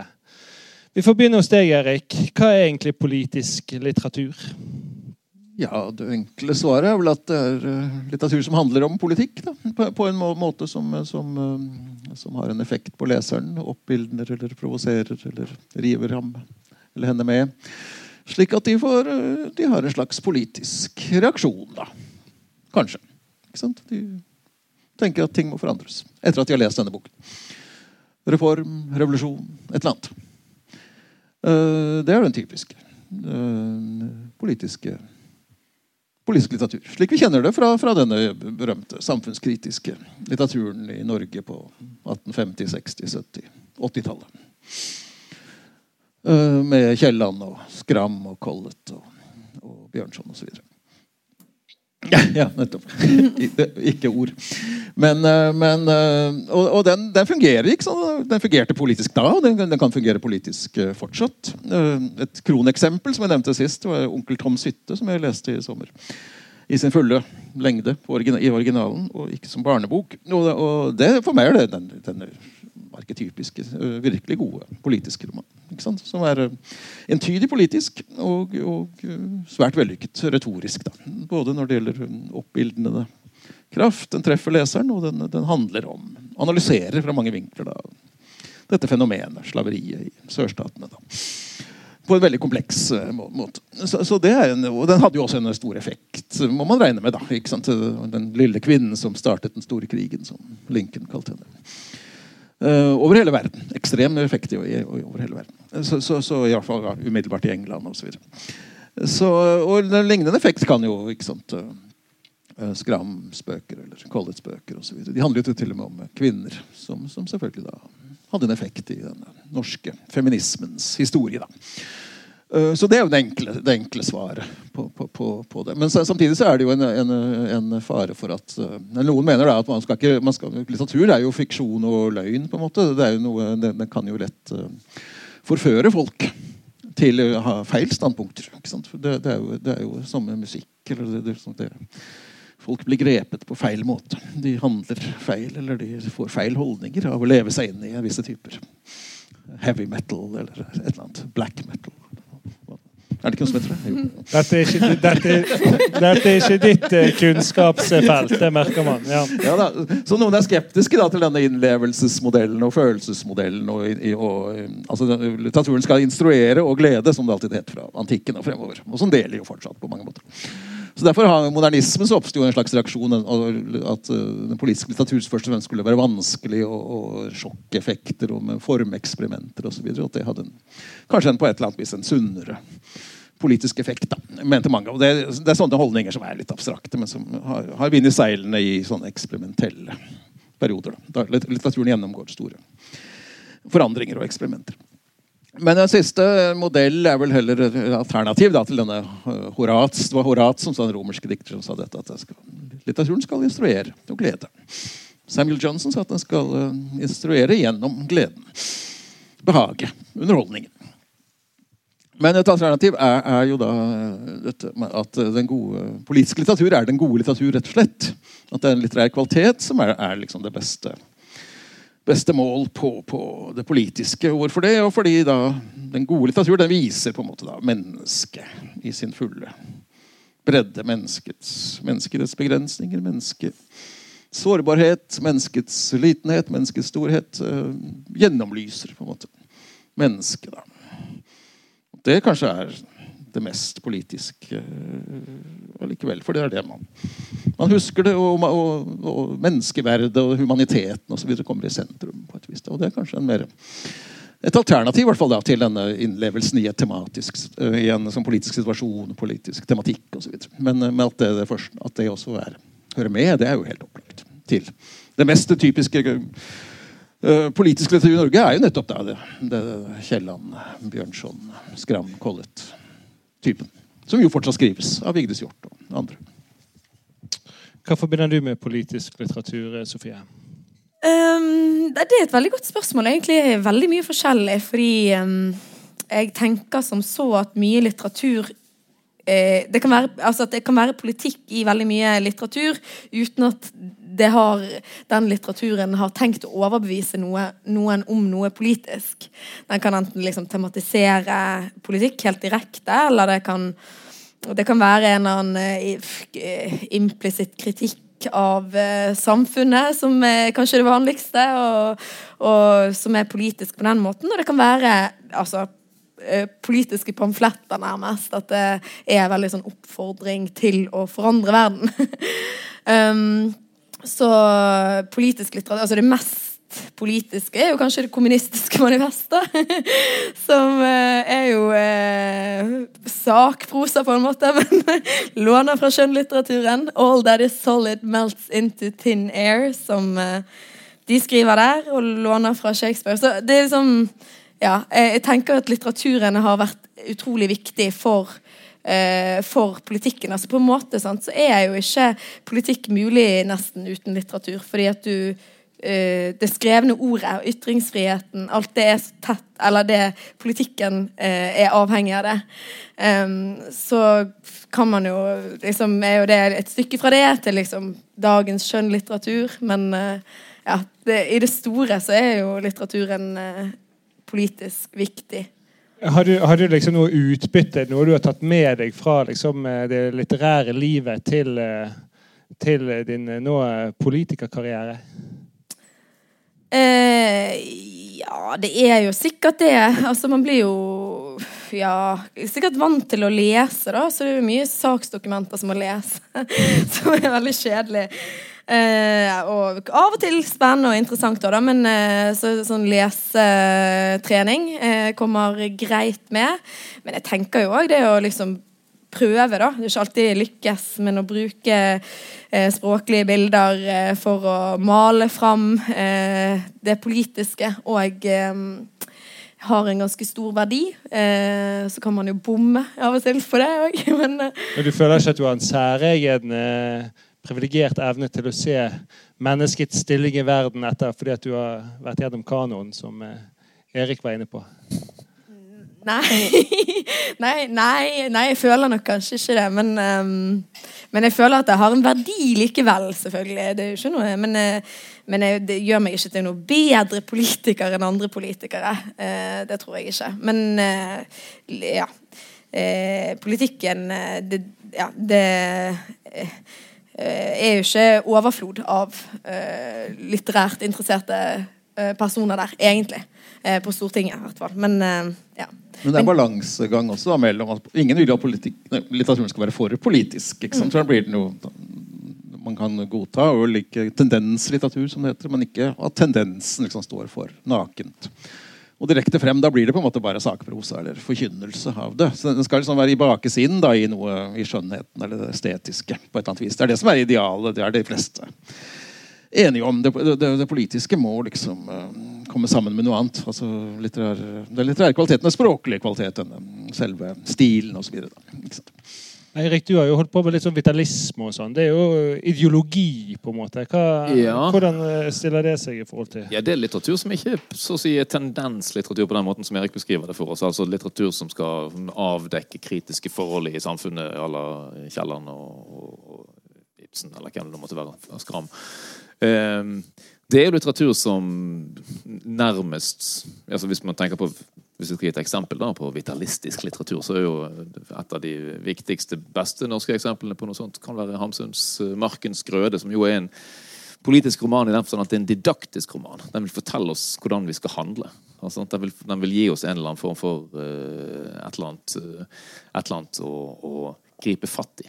Noe å gjøre når krigen er over. Så skal vi dyrke opp marken, og så skal vi leve sunnere og bedre og mindre preget av den forgiftende sivilisasjonen uh, og politikken da, som kveler oss, og som bare er forhandling og, og ikke og papirflytting, og ikke egentlig er liksom arbeid noe ordentlig. Det, det er et aspekt ved det. Sant? Eh, Så er det ikke til å komme forbi at en del av denne typen litteratur som har sånne så si, prosjekter Den skal ikke bare vise oss eh, hva som er galt med verden, men også vise oss hvordan verden kan bli. Eh, Det er også en del altså, utopimakeri i det der. Altså noen sånne store, svære eh, visjoner om hvordan ting kan være, hvordan ting skal bli. Og nært beslektet med, eller egentlig en underart av utopien, er jo dystopien. Som jo også er en, kanskje vår tids viktigste politiske eh, litterære sjanger. I hvert fall når man tenker på hva unge folk har blitt servert de siste 20 årene. I, I alle mulige formater. Fortellinger om en verden som går under, fortellinger om en verden der alle voksne er døde. Der det bare er 15-åringene som igjen skal finne opp demokrati osv. Altså det, det er helt klart en, en, en viktig og potent eh, politisk, eh, politisk sjanger. Da. Det, det, bare litt det der med liksom, eh, ja, at det må ha en litterær kvalitet i bunnen og sånn. Jeg er jo ikke uenig med det, men jeg mener jo òg at ofte så kan eh, politikken være en kvalitet i seg Ja sjøl. sant. der, eh, og det ja, det, har jo sikkert forandret seg litt uh, hvor mye man har vekt, eller ment det og ikke, da, men jeg tenker at det kan ha en, en verdi i seg sjøl. Du Ja, har jo- det man tenker på som veldig dårlige bøker det, ja, ja, ja, det, det, det var noen skrekkeksempler fra 1970-tallet som ofte ble fremhevet. Ja, ikke sant, ikke og sant? det, men det er litt sånn man, Det er jo kommet òg veldig gode bøker ut av 1970-tallet. Nei, det er absolutt, sant? noen Og- var, var jo da gode. Ja. Og, og noen vi skal snakke om etter hvert, kanskje Orwell og sånn. Det var ingen som tenkte tenkt på 1984 for eksempel, som en virkelig god litterær roman, Mm. men den er jo det også, delvis. da. Men, men det er også dårlige trekk ved den, opplagt. Det gjør at det ikke er en stor roman i litteraturhistorien, men at det er en, av de viktigste bøkene regnet en av de mest sånn, kjente bøkene fra det 20. århundre. Det kan jo ingen betvile. Men bedre enn Animal Farm. Nei, de er vel Er ikke de ganske like? Er de like? Ja, ganske du har nettopp lest eh, Orwell igjen, og sett uh, 1984 på Ja, ja, ja, ja, jeg angrer på at jeg så det på teater, dessverre. Så, men jeg har lest bøkene. Mm. Og du, uh, ja, hva har du tatt med deg av refleksjoner fra det, da? Nei, at det, det, det er en uh, god, delvis god politisk roman, tenker jeg, 1984, fordi den også er litt tvetydig. Det er jo først og fremst en kritikk av stalinismen som glir over i kritikk av fascismen eller nazismen. Da. Den er jo skrevet i 47-48. og, men samtidig det mest interessante ved den nå, for det er jo, ikke, det er jo ganske safe. Liksom at Stalinisme og nazisme det skal jo helst Være mot. Eh, være mot, Ja. Men, det, den, Forsiktig, forsiktig med det. men, det, men den, den virker mer aktuell faktisk som bilde av, av utviklingstrekk ved vår, våre egne liberale, demokratiske samfunn. F.eks. Da Orwells berømte skildring i den beste delen den tidlige delen, om hvor han bare skildrer dette, dette fremtidssamfunnet med sannhetsministerium og nytale og, og, og, og konstant revidering av fortiden for å komme på høyde med nåtiden osv. Så, videre. så Donald Trump er jo en typisk Orwellsk skikkelse. Det er det ikke tvil om. Og Hovedpersonen Winston Smith sitter jo altså og reviderer aviser og bøker, slik, slik at de skal stemme overens med det som er dagens politikk. Fra, fra Støre og Vestre, eller hvem nå styrer den her. Ja, nei, eh, Orwell er egentlig et veldig godt eksempel på eh, eh, Og 1984. Jeg bruker jo ofte nytale i politiske debatter når jeg blir sur for at det blir brukt ord som eh, bare dekker til, og ikke liksom og, ja, beskriver eh, de, den politikken som er førende. Senest i dag så snakket Terje Aasland om generasjonsperspektivet i forbindelse med den Fosen-dommen. Og det tenkte jeg det var et veldig godt eksempel på nytale. Men, men det som er morsomt med både 1984 og Animal Farm, syns jeg, det er at det er bøker som har blitt brukt veldig aktivt av høyresiden for å kritisere eh, sosialisme. Og egentlig alle forsøk på sosialisme. Mens George Orwell var jo sosialist. Ja, da, og, og, og Animal Farm handler jo om nettopp en revolusjon som går galt. Altså fordi uh, disse Dyrene som overtar denne farmen, de, de, blir jo like kapitalistiske og onde som Men nettopp like onde som kapitalistene utenfor. Så de bare kommer ned, eller, ned til um, kapitalismens nivå. Da. De klarer liksom ikke å lage et alternativ. Og det kan jo likevel gjerne være en kritikk av det som er utenfor sosialismen som det som er innenfor. Så sånn sett er det, er det en tvetydighet. Men bare en liten bemerkning om dette med nytale. For ved siden av eh, ved siden av Winston Smith, da, som driver og reviderer fortiden, så er det jo et lingvistisk geni som sitter og lager denne nytalen. Og, og hva består den i? Det er, det er ikke å finne på sånne nye, store, flotte ord, men det er å redusere språket til det absolutte minimum. Slik at språket reduseres nesten bare til, til noen små blokker. Slik at språket egentlig forsvinner. Det er det som er dette lingvistiske geniets uh, arbeid. Det skal bare være det absolutt eh, enkleste ord. God, god dårlig kan beholdes. Ikke sant? Men, men, men eh, og til slutt så er, trenger man egentlig ikke dårlig lenger, heller for å holde med god. Tommel opp, tommel ned. Det er, det er egentlig det som er, er målet for denne nytalen. Og det- og det- det. Og det finnes vel ingen verre, altså en mer skrekkinngytende visjon for en journalist og forfatter enn tanken på språket rett og slett ikke det. Trengs men, ikke. men det er, men det er geni- geniene som settes til det. Mm. Du har jo holdt på med Kafka, Sofie. Tenker du på, ser du på Kafka som en politisk forfatter? Ja og nei.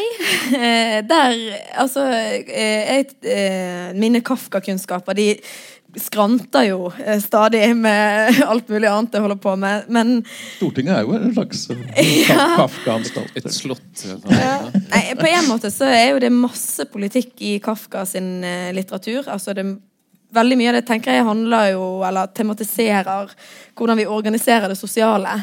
Eh, så, men det kan, også, liksom, kan man òg eh, tolke mer teologisk, eksempel, eller psykologisk. Altså, det er mange måter å gjøre det på. Men Kafka brukes veldig ofte politisk òg. Eh, litt sånn som Orwell, bare uten like, like god berettigelse, syns jeg. da. Eh, for eksempel så Jeg har for hørt ofte at i kommunepolitikken at hvis noen ikke får sette opp en flytebrygge, så er de utsatt for en Kafka-prosess.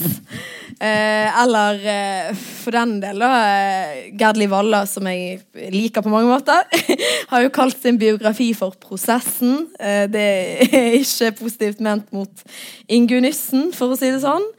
Eh, og da jeg kom på Stortinget, så var det faktisk sånn eh, Vi har et eget stortingsbibliotek. Så var det sånne anbefalinger av bøker fra eh, partilederne. Og da hadde Guri Melby anbefalt eh, 'Prosessen' av Kafka. Den hadde, og da var, det sånn liten skrift Den hadde eh, inspirert henne i mange viktige politiske saker. Både eh, for personvern og eh, rettsstaten, og ikke minst internasjonale forhold. Særlig det siste syns jeg var liksom spenstig, da. For jeg Ja, altså, jeg syns kanskje ikke den er så åpenbart politisk som eh, mange syns. På den annen side så er jo det noe veldig positivt og en kvalitet ved Kafka at den følelsen som prosessen eh, får fram, da. Eh, av at eh, eh, noen har baktalt deg, og eh, at du ja, utsettes for noe du ikke har kontroll over. At det har så stor gjenklang, er jo òg en kvalitet. Altså, det er jo noe bra òg med at det har blitt allemannseie, sjøl om jeg kan liksom rynke på nesen og tenke at nei, det er ikke akkurat sånn. eller sånn. Mm. Jeg, jeg har jo ofte tenkt på eh, den politiske litteraturen som et eh, primært et sånt venstresidefenomen. Nå har jo det blitt nevnt en del andre. Men hva med den viktigste politiske boken, kanskje? Sånn eh, Atlas Shrugged. operativt, ja. Ayn Rands Atlas Shrugged. For deg personlig, eller? Nei, det, det er jo en slags bibel i Unge Høyre og FPU, Ja, som ja. former en eh, generasjon på generasjon av politikere. Mm. Har du satt deg inn i motstandernes eh, eh, taktiske grunnlaget, Sofie? Ja, jeg leste den eh, i vår, jeg. Eh, det er morsomt, for det, det, når høyresidepolitikere blir spurt om hva eh, de vil anbefale en bok, så nevner de den veldig ofte. så eh, det er jo spennende. Og i tillegg så eh, prøver eh, meg og eh, kjæresten min å skrive en bok eh, sammen om eh, eh, Sveits og sveitsutflytterne. Og da tenkte jeg på den Atlas Shrugged, fordi plottet der er jo at eh, du får en eller annen form for kapitalstreik eller kapitalflukt. Eh, der eh, rike og, eh, og ikke minst evnerike, eh, geniale mennesker forsvinner fra USA, som har blitt en slags folkestat. Eh, og det er uutholdelig, og de får ikke utfolde sine kreative evner. Og de blir ikke forstått, de får ikke tjene penger. Og det å tjene penger er en positiv egenskap. Og det er et helt system som utlegges i det vide og det breie eh, om, eh, om politikk. Det er en veldig politisk eh, og veldig Ja, det er en veldig politisk bok. Um, som jeg ikke syns er spesielt god. Ikke bare fordi at jeg er uenig i, eh, i politikken, sikkert litt derfor òg, men òg fordi at eh, den eh, utbroderer for mye. Det er ingenting som overlates til fantasien overhodet. Og det gjelder ikke minst de mange sexscenene. Men det, det kan jo òg forklare hvorfor liksom den ja, folk liker å lese den. Og det kan jo òg være, være ha en underholdningsverdi. Eller, de er jo, de er jo også page-turnere, disse romanene her. Sant? Ja, Jeg har ikke lest Atlas Shrugged, men jeg har lest uh, den andre store uh, Ayn Rand-romanen, Fount, The Fountainhead. Eh, som- og så- og det, sidene ruller jo av gårde. Ja, ja, ja. Det sånn, det altså der er det 700 sider, eller hva det er for noe. Det er godt skrevet sånn sett. det der. Effektivt skrevet, iallfall. Men, men det som er mest problematisk med det der eh, En ting er politiske modeller, og sånne ting, men det er jo menneskesynet. Sant? Og, og det, det gjelder vel også i den uh, Atlas Ja. Shrugged sant? Det, er, liksom- det er en bestemt type mennesker som, som portretteres på en bestemt måte. Åpningsscenen i denne fronten her, det er da denne unge arkitektstudenten som står på, et, på en granittklipp og skal stupe ned i vannet, og så ser man han nedenfra. Den renskårne, muskuløse kroppen hans og liksom det røde håret. og så stuper han ned i vannet. Mens disse andre, disse liksom snylteraktige opportunistene, de er liksom mer sånn sammenkrøpne. øh, øh, altså bare helt Kroppene deres er rett og slett bare annerledes og mindreverdige. Altså det er et enormt sånn tydelig skille mellom de som, de som skal gjøre det, og de som bare eh, ser på at andre gjør det. Eller slesker seg til da, i verden. Men det er jo en eh, sånn satire over hele det yt etter evne, få etter behov. ikke sant? For, fordi det, det samfunnet som portretteres her, der alt er gått eh, nedenom, det er, i Atlas Shrugged, da, det er jo at eh, alle maksimerer sine behov og minimerer sin yteevne. Så nå, da står, slår kapitalistene og, og gründerne tilbake.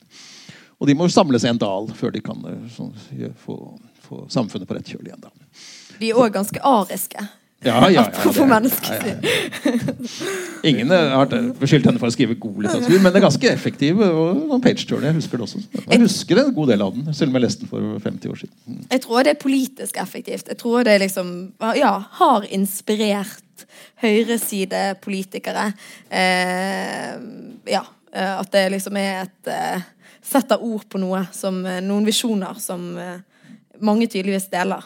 Og Det er jo et aspekt ved litteraturen som gjør den hva skal vi kalle det, altså den, den, er, den har politisk potensial i seg selv. Fordi den, den, er, den har en enorm overtalelseskraft. Den kan vise frem ting, den kan lage scener, den kan male det frem på en måte som det er en stortingsproposisjon aldri kan få til.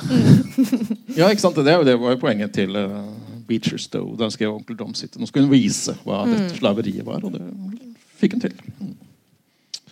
Eh, lengre kommer vi ikke på dette temaet, for vi nærmer oss slutten. Vi har bare én spalte igjen. Var den god? Hvordan var den god? Hvorfor var den god?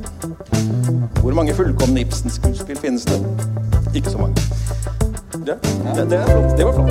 Det var flott. Men jeg, jeg, jeg, Ibsen som forfatter hadde i det hele tatt Begrenset begrensninger. For ikke å snakke om Hamsun Unnsett Undset. Bjerk Hagens topp fem.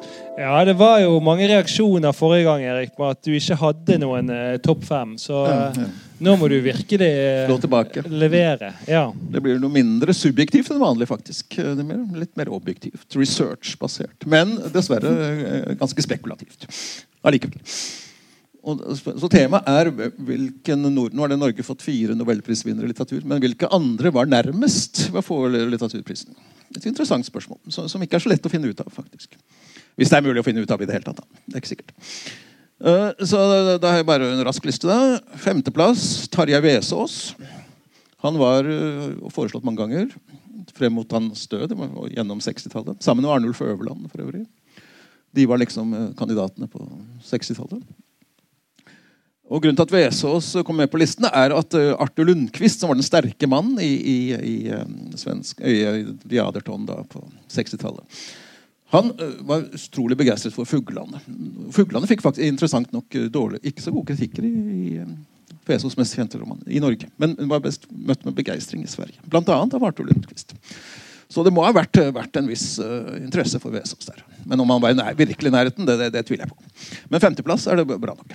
Fjerdeplass er Olav Duun. Han har også foreslått rekordmange ganger gjennom 20- og 30-tallet. Og grunnen til at han kommer høyere, det var at uh, det gjorde inntrykk på komiteen. De syntes at han de hadde skrevet sånn som at var, det finnes en brist på intellektuell klarhet og, kult, og kultur. Blant annet da, tidligere. Da han ble foreslått. Men, men etter 'Mennesket og maktene', den hans siste bok, så våknet de til liv igjen, eh, komiteen. da. Og da, ja, dette, da skrev de dette, ja, dette kanskje vi må vurdere ham. Men så døde han rett etterpå, så han var ikke, han ble ikke aktuell dette siste året. 39. Men Måtte de lese han i oversettelse, da? Eller? eh, Nei, da, de, de leste trøndersk. som var det de. Ja. Eller sånn trøndersk dialekt. Mm. Men Dun er foran Vesaas. Fjerdeplass.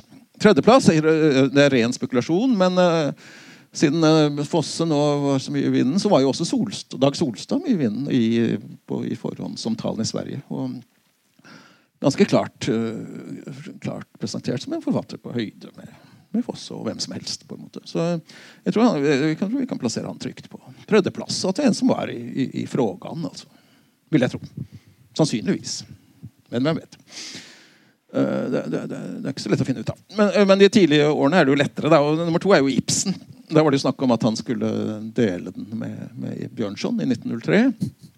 Men det ble brukt en del ting mot ham. At han ikke var oppbyggelig nok, at han ikke var idealisk, som det står i Nobels uh, testamentet. Uh, dessuten at han var syk allerede. Han hadde slag eller hva det var, i 1900. ikke sant? Han var syk i mange år, og sengeliggende osv. Og, så og det ble brukt mot ham da. Hvorfor skal man gi priser til syke? Uh, og, og, dessuten er det interessant nok da begge var regnet som for store til å dele prisen. Det ville vært en fornærmelse mot begge hvis de skulle dele den. Senere har de jo delt prisen av og til, så det er jo en fornærmelse. Så det er en stund siden nå. Det var disse to svenskene vidt jeg husker, i 74 som delte den sist. Det har vært noen sånne uheldige delinger. Men førsteplass, da, den som faktisk kom nærmere en faktisk delt pris i 1920, med Hamsun, det var Arne Garborg. Kan det si sånn, Ut fra forhandlingene og begrunnelsene som er tilgjengelige.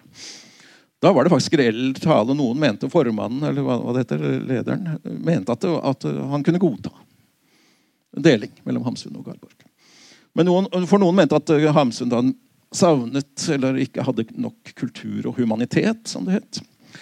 Og at han kanskje skrev om forenkle bondesjeler bare, mens, mens hovedpersonen til Garborg hadde liksom større reisning, som det het den gangen. Men det var brukt mot ham da, da han særskilte lokale nasjonalisme, eller språklige partikularisme. Det vil si nynorsken. da. Men omsider så fikk jo da nynorsken sin pris nå i år. Men faktisk Arborg må komme på førsteplassen der. Takk. Ja, Det var godt levert, eh, Erik. Første gang en research-basert eh, topp fem. Neste hagesalong er 21.11. Da skal vi snakke om Fosse og Bergen som litteraturby. Før og nå var det jeg skulle si når du avbrøt meg tidligere i dag. Med da Jan Landro og Audun Lindholm. Takk til Erik Vassanden og Sofie Marhaug. Takk til deg, Erik, og takk til alle dere som kom og hørte på, og til du som lytter på